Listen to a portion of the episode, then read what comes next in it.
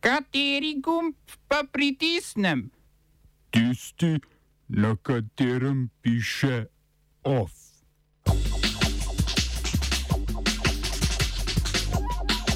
Premirje v Tigraju na severu Etiopije. Protest črnogorskih poljedelcev in živinorejcev. Zaporna kazen za nekdanjega predsednika Južnoafriške republike Jacoba Zuma. Opozorilna stavka poklicnih gasilcev. Pozdravljeni. Etiopske oblasti s premijejem Abijem Ahmedom na čelu so razglasile enostransko premirje v Tigraju, najsevernejši etnični regiji Etiopije. Za prekinitev državljanske vojne, ki se je začela novembra lani, so se etiopske oblasti odločile potem, ko je vodstvo Tigrajske ljudske osvobodilne fronte sporočilo, da je ponovno prevzelo oblast nad tigrajsko predstolnico Mekele. Državljansko vojno so sprožile regionalne volitve, ki jih vlada ni potrdila, in posledično vojaška invazija na regijo Tigraj po ukazu Nobelove, Nobelovega nagrajenca za mir Abija Ahmeda, ki je premijsko funkcijo po večdesetletni vladi Tigrajske ljudske osvobodilne fronte prevzel aprila 2018.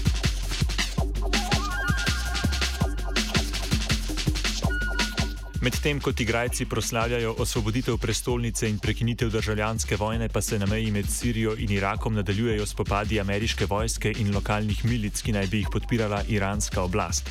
Po ukazu predsednika terorističnih držav Amerike Jožeta Bidna je ameriška vojska drugič po februarskem napadu v opozorilo iz zraka bombardirala oporišče lokalne milice in po dosedaj znanih podatkih ubila pet ljudi. V odgovor je milica izstrelila nekaj raket proti oporišču ameriške vojske v Siriji, poškodovala pa ni nikogar, saj je zadela naftno polje Al-Omar.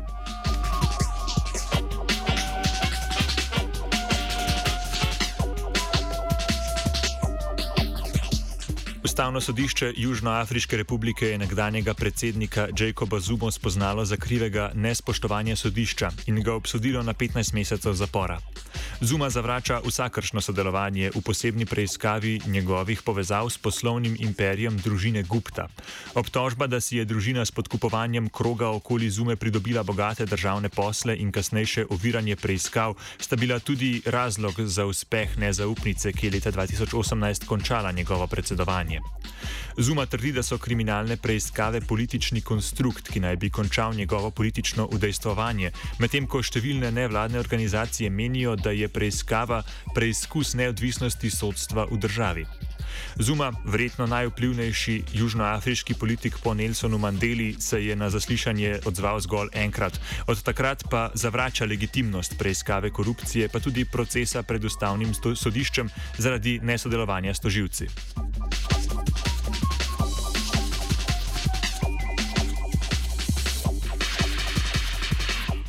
Zvezdno sodišče v Washingtonu je zavrglo tožbo, ki jo je Ameriška zvezdna komisija za trgovino z angliško kratico FTC uložila proti podjetju Facebook.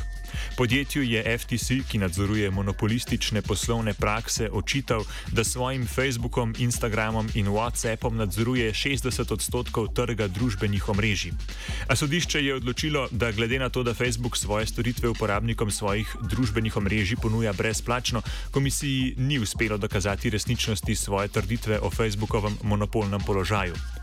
V ameriškem kongresu levi del demokratske stranke že dlje časa zagovarja vrnitev stare definicije monopolov, ki je kot tako prepoznala vsako podjetje s prevladujočim vplivom v svoji poslovni niši, ne glede na to, ali je bila s tem potrošnikom povzročena neposredna škoda.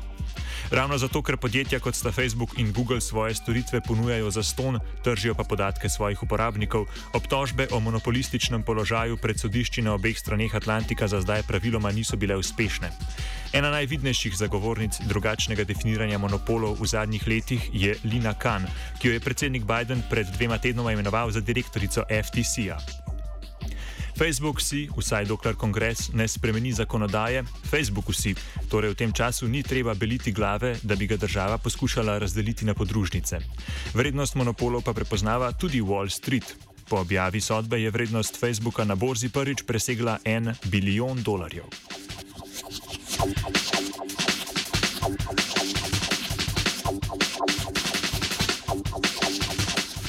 Črnogorski poljedelci in živinorejci napovedujejo radikalizacijo protestov za ureditev njihovega položaja, ki so se začeli na začetku meseca, potem ko se je nesorazmerno povišala cena za nje potrebnih surovin.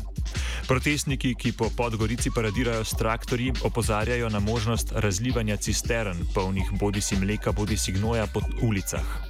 Protestniki na traktorjih zahtevajo državno subvencijo pri pridelavi mleka in sicer 5 evrskih centov na liter, medtem ko jim vlada ponuja 2 centa.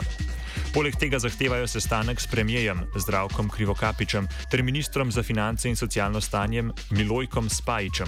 Od ministra za kmetijstvo Aleksandra Stijoviča pa zahtevajo odstop z položaja. Ne le, da se slednji ne bori za njihove pravice, temveč naj bi jih v svojih javnih nastopih celo večkrat užalil. Zahteve traktoristov predstavi Milko Živkovič iz Zveze živinorejcev Črne Gore. Tražimo radni sastanak sa premijerom i sa ministrom Spajićem. Radni sastanak bi trebalo, predlažemo u što kraćem vremenu, da ne bismo dugo čekali, da ne bismo bili primorani da značajno radikalizujemo naše proteste. Ovo što smo mi korektni i prema građanima Crne Gore i prema svima i turistima ne znači da će naše strpljenje trajati u nedogled. Može lako da se dogodi da cisterne zaista budu prosute u Podgoricu i u svim gradovima Crne Gore. Tako je. Tako je. Tako je. Oba, če, če bom odgovoril na angliški. Slovenija will try to help. Uh, we can. Slovenija will. Uh, and we will. Do our utmost. To say that the situation is.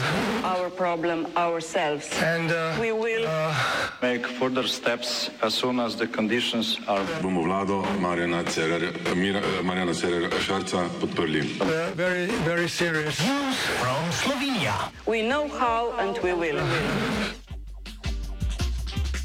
Predsedstvo sindikata poklicnega gasilstva Slovenije, ki se je pred dobrim mesecem dni preoblikovalo v stavkovni odbor, bo jutri v zgodnjih jutranjih urah začelo opozorilno stavko. To so napovedali že 26. maja, a so pogajalskemu partnerju Ministrstvo za obrambo pod vodstvom Mataja Tonina dali še mesec dni časa, da ugodi njihovim zahtevam.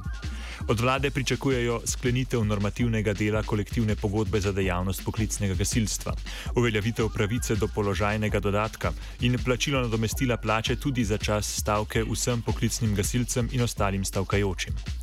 Za zdaj sindikat poklicnih gasilcev s pogajalci na drugi strani mize nima dobrih izkušenj, saj je dogovor o izpolnitvi zahtev sklenil že leta 2019 z vlado Marjana Šarca.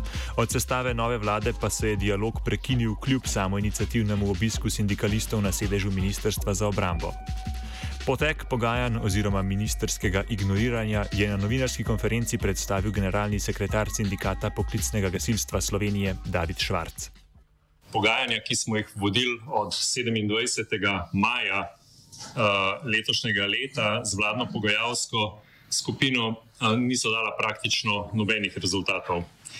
Kljub temu, da je bila stavka, ki se bo pričela jutri, napovedana že 26. maja 2021, se vladna pogajalska skupina ni kaj dosti ozirala na to.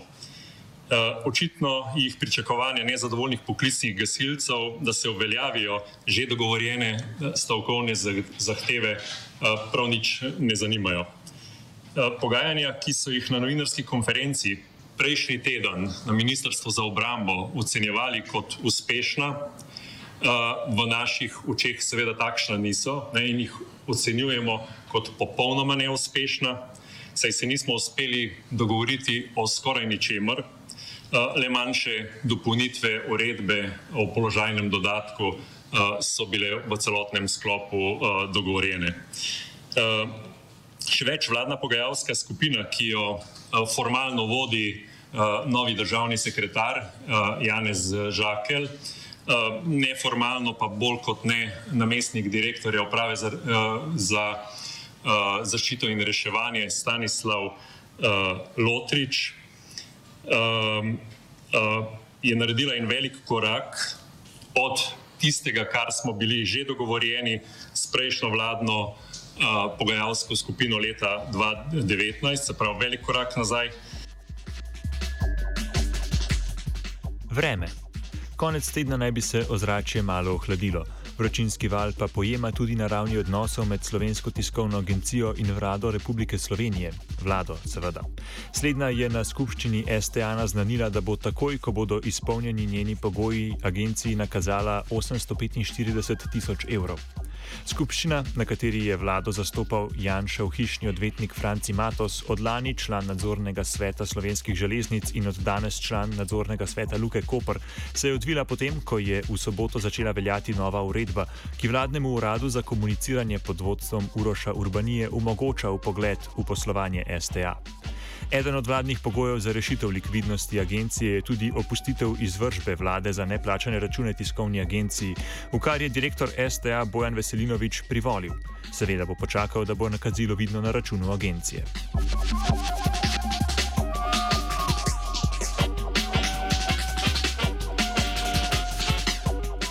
Medtem ko se lokalne skupnosti v vzhodni Sloveniji in na vzhodu Ljubljane ukvarjajo z nezakonitimi odlagališči komunalnega blata, je gozdiček v severnem ljubljanskem predmestju Stanežiče zasud z gradbenimi odpadki. Republiški inšpektorat za okolje in prostor je končal inšpekcijski postopek v gozdičku in se odločil, da mora sanacijo več kot 44 tisoč kubičnih metrov odpadkov do konca leta opraviti mestna občina Ljubljana.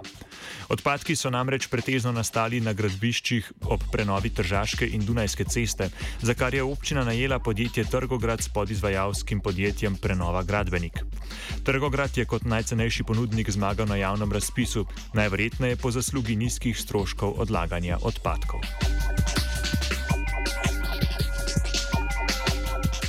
OF je pripravil Virant, na pomoč je priskočil Krizmanič.